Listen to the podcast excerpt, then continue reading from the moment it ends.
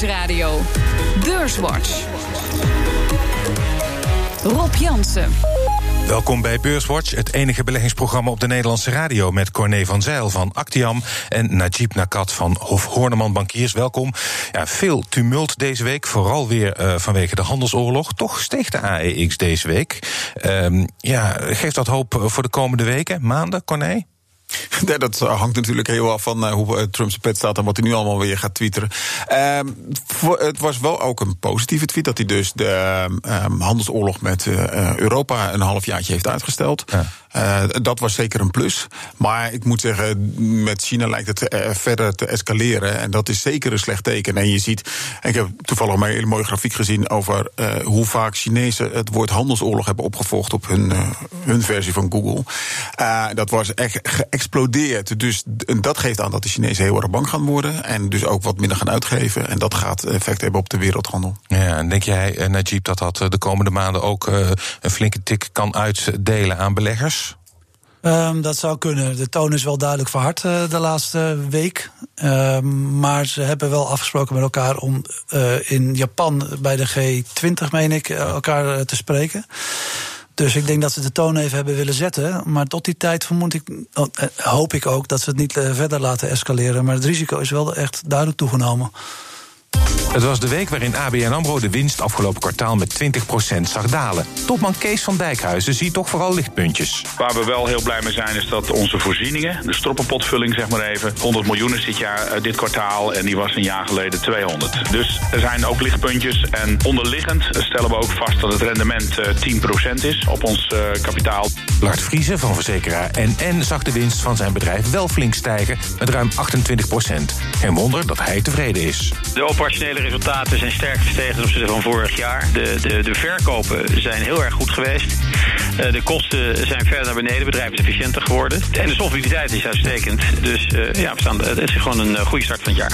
En het was de week waarin Labour-leider Jeremy Corbyn de Brexit-onderhandelingen met Theresa May staakte. I've just written a letter to the Prime Minister, just sent it to say that uh, these talks have now reached what I believe to be a natural conclusion. The Prime Minister has announced the date she's leaving. There have been increasing noises off stage by Conservative cabinet ministers and others who don't agree with much of the talks or any of the discussion we're holding. So we are concluding the talks. Concluding the talks. Zes weken heeft Labour-leider uh, Corbyn onderhandeld. En nu trekt hij de stekker er dus uit. Toenemende zwakte en instabiliteit van de regering is het argument. Ik denk dat hij de afgelopen zes weken ook niet zo sterk was. Maar goed, uh, Najib, uh, hoe groot acht jij de kans dat het nu een no-deal Brexit wordt? Nou, die neemt wel toe. Uh, het is wel duidelijk dat de Engelsen nog steeds niet uh, precies weten waar ze aan toe zijn. En uh, dit was op zichzelf niet een echte verrassing, omdat Theresa May geen gesprekspartner meer was. Mm. Omdat ze eigenlijk niet meer de leider was van de Tories. En wie dat wel wordt, dat weten we nog niet. Maar ik denk dat het er wel op uit gaat draaien dat misschien Europa wel de beslissing moet gaan nemen, omdat de Engelsen er zelf niet uitkomen. En dus een, een, een deadline nu voor, de, ja, voor ja. de volgende keer misschien echt als, als harde deadline gaat hanteren. Ja, een paar maanden terug uh, zagen we nog wel, ja, dat, dat zal zeker wel een deal komen, Corné. Dus denk jij ook dat het een no-deal wordt? Of de kans. Uh... De, de, kans op een no-deal is een stuk groter geworden. Boris Johnson heeft duidelijk gezegd dat hij een, een hard uh, Brexit geen probleem vindt. en, en, hij wordt gezien als de, mogelijke, de waarschijnlijke opvolger. Ja, en, en, en, ik moet zeggen, alle andere namen hoor je bijna ook niet. Dus wat dat betreft lijkt het ook logisch. Nou, sowieso Boris Johnson, degene die het hardste schreeuwt. Dus wat dat betreft hoor je hem ook wat vaker. Maar ik denk dat de kansen er inderdaad aanzienlijk uh, groter worden. En die worden ook gelijk ingeprijsd. Het pond is van 1,17 naar 1,14 in een paar dagen tijd gedaald. Dus ja. je ziet dat de beleggers er ook echt wel banger voor worden. Want ja, het, het risico is een stuk toegenomen. Ja, zo'n zo'n ja, zo'n gedaald pond, wat heeft dat voor consequenties voor ons, Najib? gaat dat nog problemen geven voor de handel tussen de EU en het Verenigd Koninkrijk, denk je? Uh, nou, op zich voor Nederland is, is, Engeland wel een hele belangrijke handelspartner. Uh, maar het pond is weliswaar gedaald, maar het zit eigenlijk een beetje in de bandbreedte waar het de afgelopen drie, vier jaar tussen gezeten heeft. Mm. Um, Maar uh, ja, eigenlijk ongeveer in het midden eigenlijk van die, van die bandbreedte. Ja. Maar verdere verzwakking, ja, dat raakt natuurlijk onze, onze eigen export. Het, mm. het raakt natuurlijk ook de koopkracht van, van de Engelse consument uiteindelijk. Mm. Ja, ik ben zelf eigenlijk wel zover. Ik denk van ja, het is nu zo lang gesoebeld. Dan maar een no-deal Brexit, uh, Corné. Of is, moet je dat eigenlijk niet moet je daar niet aan toegeven? Ik denk dat de meesten daarover denken. Toevallig, uh, ik, ik, fiets uh, vaak en ik kwam een, een, een handelaar tegen een, uit het Westland die allemaal planten verkoopt in de UK. Ja. Die is dus voor 100% afhankelijk van zijn omzet van de UK. Oei. En die zei van, joh, weet je, ik ben het zo zat. Dan maar een hard brexit. En dan, uh, dan wordt de handel maar wat minder. Als we er maar door zijn. Nou, als zelfs zo iemand dat zegt, dan denk ik van ja, dan wordt het wel. Uh, dan is, geef wel aan dat iedereen het wel zat is. Uh. Ja. Maar in de Europese politiek merk je ook dat die, ja, dat gevoel ook gewoon toegenomen is. Ja, dat, ze, dat ze er nu gewoon klaar mee zijn. Ja. Ehm, dus ik. Dus de kans is eigenlijk, want je zei net ja, misschien wordt die deadline ook een harde deadline. Dat is eigenlijk onvermijdelijk op dit moment. Ik, Zoals het er nu voor ligt. Ik, ik denk het wel, ja. Ik denk dat die kans echt uh, niet onaanzienlijk is, laat ik het zo zeggen. Ja. Dus dat in ieder geval zeker geworden. ja, precies. um, ander probleempje en onzekerheid dat beleggers op de beurs meer bezighoudt... is natuurlijk die handelsoorlog. Trump heeft de facto Huawei, de telecom, uh, uh, maker van telecomapparatuur... de VS uitgewerkt. En het verhaal gaat nu dat de Chinezen eigenlijk geen behoefte hebben meer... aan verdere onderhandelingen. Uh, Corné, dit lijkt lang te gaan duren. Een paar weken terug was ook daar weer een totaal ander beeld van. Nou, de, het handelsakkoord is aanstaande, uh, nu toch niet. Hoe denk jij dat zich de, de komende maanden gaat ontwikkelen? Nou als je gewoon puur naar de geluiden hoort, dan lijkt het wel alsof ze inderdaad uh, met de koppen tegen elkaar staan. En uh, dat, het, ja, dat het gewoon niet goed gaat aflopen. De vraag is, in hoeverre is het een gevecht voor de bühne? Want ja, uh, je weet bij Trump, hij kan van het ene op het andere moment draaien. En uh, uiteindelijk, als, als die draait in China, zal er ook alle baat bij hebben dat het, dat het beter gaat. Dus wat dat betreft, uh, dat is de vraag. En dus ik denk dat de bijeenkomst straks waar ze bij elkaar komen met en Trump, dat dat eigenlijk wel een allesbepalende factor is van oké, hoe, hoe staan ze er dan tegenover? Hm. Opmerkelijk artikel in de Financial Times deze week over China. Die uh, China is de grootste schuldeiser van uh, Amerika. Heeft voor meer dan een biljoen dollar aan staatsobligaties en is die de laatste maanden flink aan het verkopen. Um, heb jij enig idee wat erachter zit, uh, Najib? Er wordt gespeculeerd, ja, dan kunnen ze de rente misschien drukken. Dat werkt niet, want dat gebeurt niet. Heb jij enig idee? Nou, volgens mij zit er niks sinisters achter of nee? zo. Nee. Um, die, die duizend, uh, wat is het, 1100 miljard, uh, is ongeveer 6% van de uitstaande schuld van, uh, van Amerika. Ja. Uh, maar als ze daar echt uh, uh, daar, dat op de markt gaan smijten, dan dat kan, dat kan wel eens heel destabiliserend werken, waar ze uiteindelijk zelf ook behoorlijk wat last van zullen krijgen. Ja. Wat we gezien hebben de afgelopen jaren is dat de, de periodes van verkopen eigenlijk ook overeenkwamen met de periodes dat ze de munt aan het stabiliseren waren. En dat ze gewoon die. dat, dat waren een soort operaties om, om, om de yuan een beetje te maar, stabiliseren. Dat is natuurlijk nu niet het geval, want de yuan is 3% uh, gedaald in de afgelopen maand. En uh, er is voor 50 miljard minder. Uh, aan, hebben ze nog aan, aan die, van die staatsleningen. Maar ik ben het wel met Najib. Dit zijn eigenlijk normale wisselingen. Het is, ik heb even een lange termijn grafiek in Bloomberg eruit gevist. Ja. En dan zie je dat dit niet abnormaal is. Dus wat dat betreft moet je er denk ik niet te veel achter zoeken. Hmm. Uh, nog even kort, Duitsland. deze week eigenlijk goed nieuws uit Duitsland. Onze belangrijkste handelspartner. De economie groeide niet veel, 0,4 procent. Maar goed, ze schuurden tegen een recessie aan. Vergeleken met vorig jaar kwartaal was geloof ik een plus van 0,7 procent. Begin van verder herstel, Corné, wat denk jij? Mm, nee.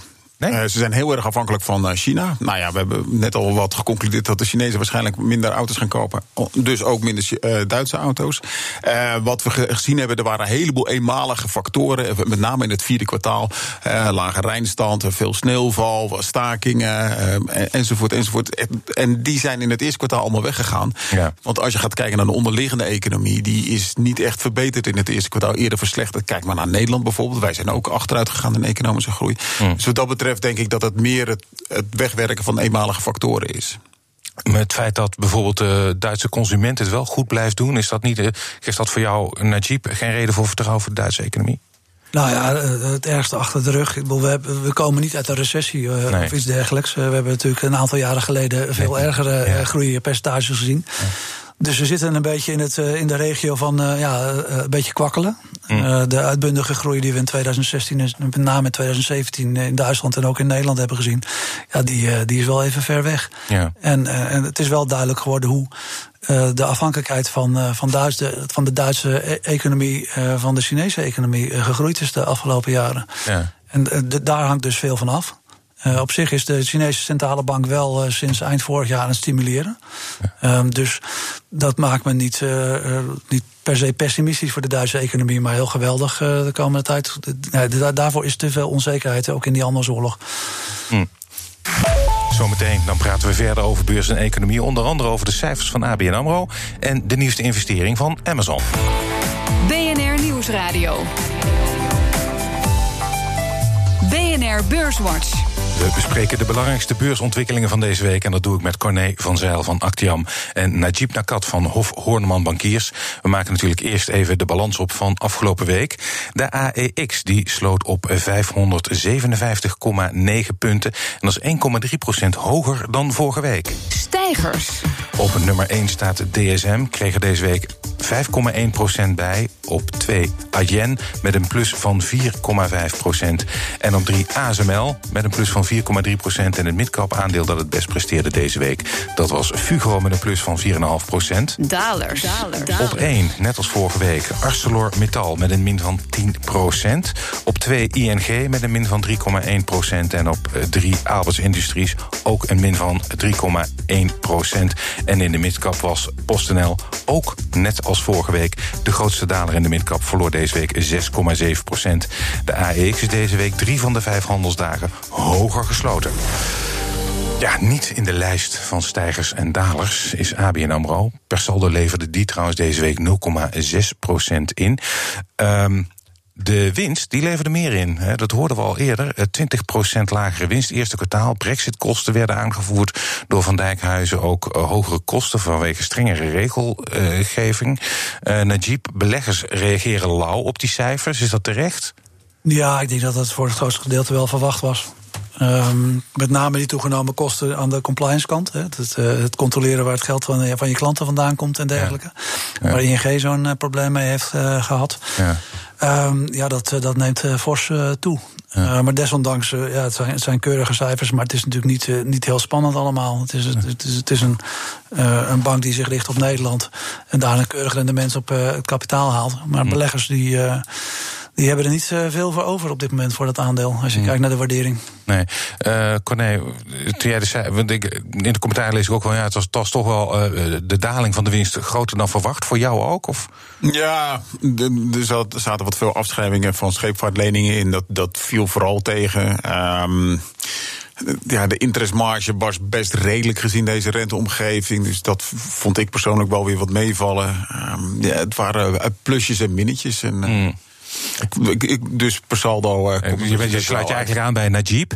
Um, maakt het, jij zei ja, beleggers geven er weinig voor. Is, is, vind je het een interessant aandeel? Nou, uh, voor dit een, om dit een interessant aandeel te laten zijn, heb je een rentestijging nodig. En dan moet je financials hebben. En dan ben je heel blij met je 8% dividendrendement eh, voor het komend jaar. Ja. dat, en, maar dat, dat zie je bij alle financials. Maar daar, daar heb je gewoon echt een rentestijging voor nodig. En dan maakt het niet uit of je nou uh, Egon, ING of uh, whatever neemt. Rentestijging is belangrijk. Ja. En dat duurt nog wel even. Tenminste, als ik uh, Klaas Knot hoor. die onlangs zei dat de rente waarschijnlijk voor langere tijd laag blijft. En Najib, dat verwacht jij ook?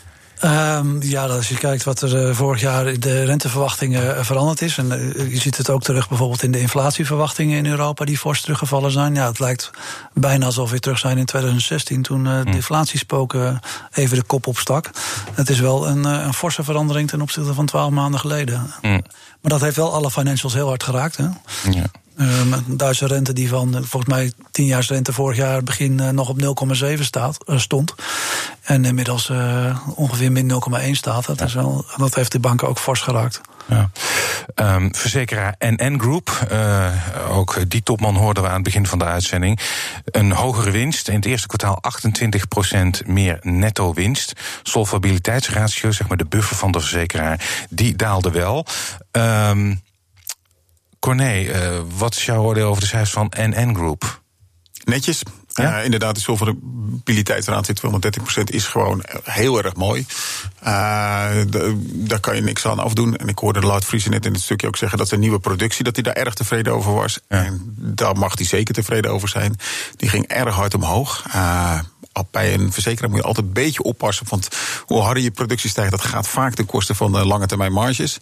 Uh, en daar hebben we geen inzicht in natuurlijk. Uh, maar het kan ook zijn uh, omdat de marktomstandigheden daar waren. De turnaround in schade was erg netjes. Maar ja, met schade heb je een paar stormen erbij. En er staat zo weer een minnetje. Dus dat, dat blijft wel een, een structureel probleem. De schademarkt is gewoon structureel niet winstgevend genoeg. Um, dus ja. Hmm. ja Najib, jij zei net, ja, financials uh, zitten moeilijk. Nou, uh, laat NN uh, wel een flinke winststijging zien. Zou je dan bijvoorbeeld over dit aandeel wel positief zijn? Of zeg je van, ja, zeker. Het zit bij ons ook in de portefeuilles. maar als je kijkt naar deze waardering en wat de onderliggende cashflow is voor de aandeelhouders, is dat toch een procentje of negen. Hmm. Um, en dat wordt ook gewoon gedekt door de interne cashflows. Hmm. Het was ook goed om te zien dat die kostenbesparingen zeg maar, vanuit de Delta Lloyd overname nu ook, ook doorkomen. Dus nee, het is een goed geleid bedrijf en, en, en aantrekkelijke koersniveau wat ons betreft. Iets heel anders, gaan we naar het buitenland even. Uh, Amazon. Uh, maaltijdbezorger Takeaway daalde vandaag 4,6% op het nieuws dat Amazon een belang neemt in uh, de concurrent Deliveroo. Concurrent van Takeaway, uiteraard. Um, Deliveroo haalde 575 miljoen dollar op. Het is niet duidelijk hoeveel daarvan van Amazon komt, maar de schrik zit er dus wel in. Um, Corné, denk jij dat die schrik terecht is? Gaat uh, Amazon uh, de markt naar zijn hand zetten, ja. overnemen? Ik kreeg een beetje een déjà vu gevoel met Ahold toen Whole Foods werd overgenomen door Amazon. En dan zou het inderdaad als een storm door de supermarktwereld heen gaan. Hm. Nou ja, in de tussentijd, als je, als je toen Ahold had gekocht, had je nu spekkoper geweest. Ja. Uh, of dat bij uh, takeaways ook zo is, dat weet ik niet. Maar toen ging de koers van Ahold wel heel hard onderuit. Het is een beetje hun eigen business, hè? Uh, digitaal, uh, platforms. Dat is, dat is ook wel een beetje de core business van Amazon. Ja, nou, ik kan me voorstellen dat mensen bang worden. Want waar Amazon uitermate sterk in is, is het bedrijfsmodel volledig om zeep helpen voor concurrenten. Waar concurrenten nog een normale marge kon, uh, kon maken. Op het moment dat Amazon naar binnen komt, verdwijnt die marge volledig. En ja, dat is een enorm nadeel voor al die concurrenten. Nou, in de supermarktwereld bleek dat een stuk moeilijker te zijn. Dus daar is het ze zeker in ieder geval tot op heden nog niet gelukt. Um, of het hier ook gaat lukken, dat denk ik ook niet. In ieder geval niet in de markten waar takeaway zit. Daar is het echt winner takes all. Als je wat pizza wil bestellen, dan ga je gewoon naar takeaway. Want dat, en dan moet er wel heel veel marketinggeld worden ingezet voordat je naar een concurrent overgaat. Maar ook daar kan het zijn. Hè. Takeaway vraagt nu 12, 13 procent marge. Als takeaway zegt, nou ja, wij doen het voor twee. Amazon. Sorry, Amazon, wij doen het voor twee wie weet uh, wat, er dan, wat er dan gebeurt. Uh, ja. en, dat, en dat kan. En dat, dat, als, als ze dat gaat doen, dan heb, heeft Takeaway wel een probleem. Ja. Najib, uh, maak jij je zorgen over Takeaway? Um, nou, wat Corné al zei over de, eigenlijk de, de, de, hele sterke positie van TKW, in ieder geval op de Nederlandse markt, dat, uh, daar maak ik me op korte termijn niet zoveel zorgen over. Alleen, er komt natuurlijk wel een klap geld uh, bij Deliveroo uh, binnen, maar er ja. komt er ook een klap geld bij Uber Eats komt er binnen door, ja. door de listing die ze net hebben afgerond. Ja. dus je hebt twee zeer goed gefinancierde concurrenten die in één keer ja, toch nog even gas gaan geven. Op het moment dat jij op het punt stond om eigenlijk echt winst te gaan maken. Dus um, ja, ik, ik, ik. Je bent huiverig. Ik ben huiverig, ja. Ik snap de koersdaling wel. Het valt me nog mee, eerlijk gezegd. nou, we gaan het zien. Um, iets uh, heel anders, en dat is ook buitenlands, maar ook Nederlands. ING.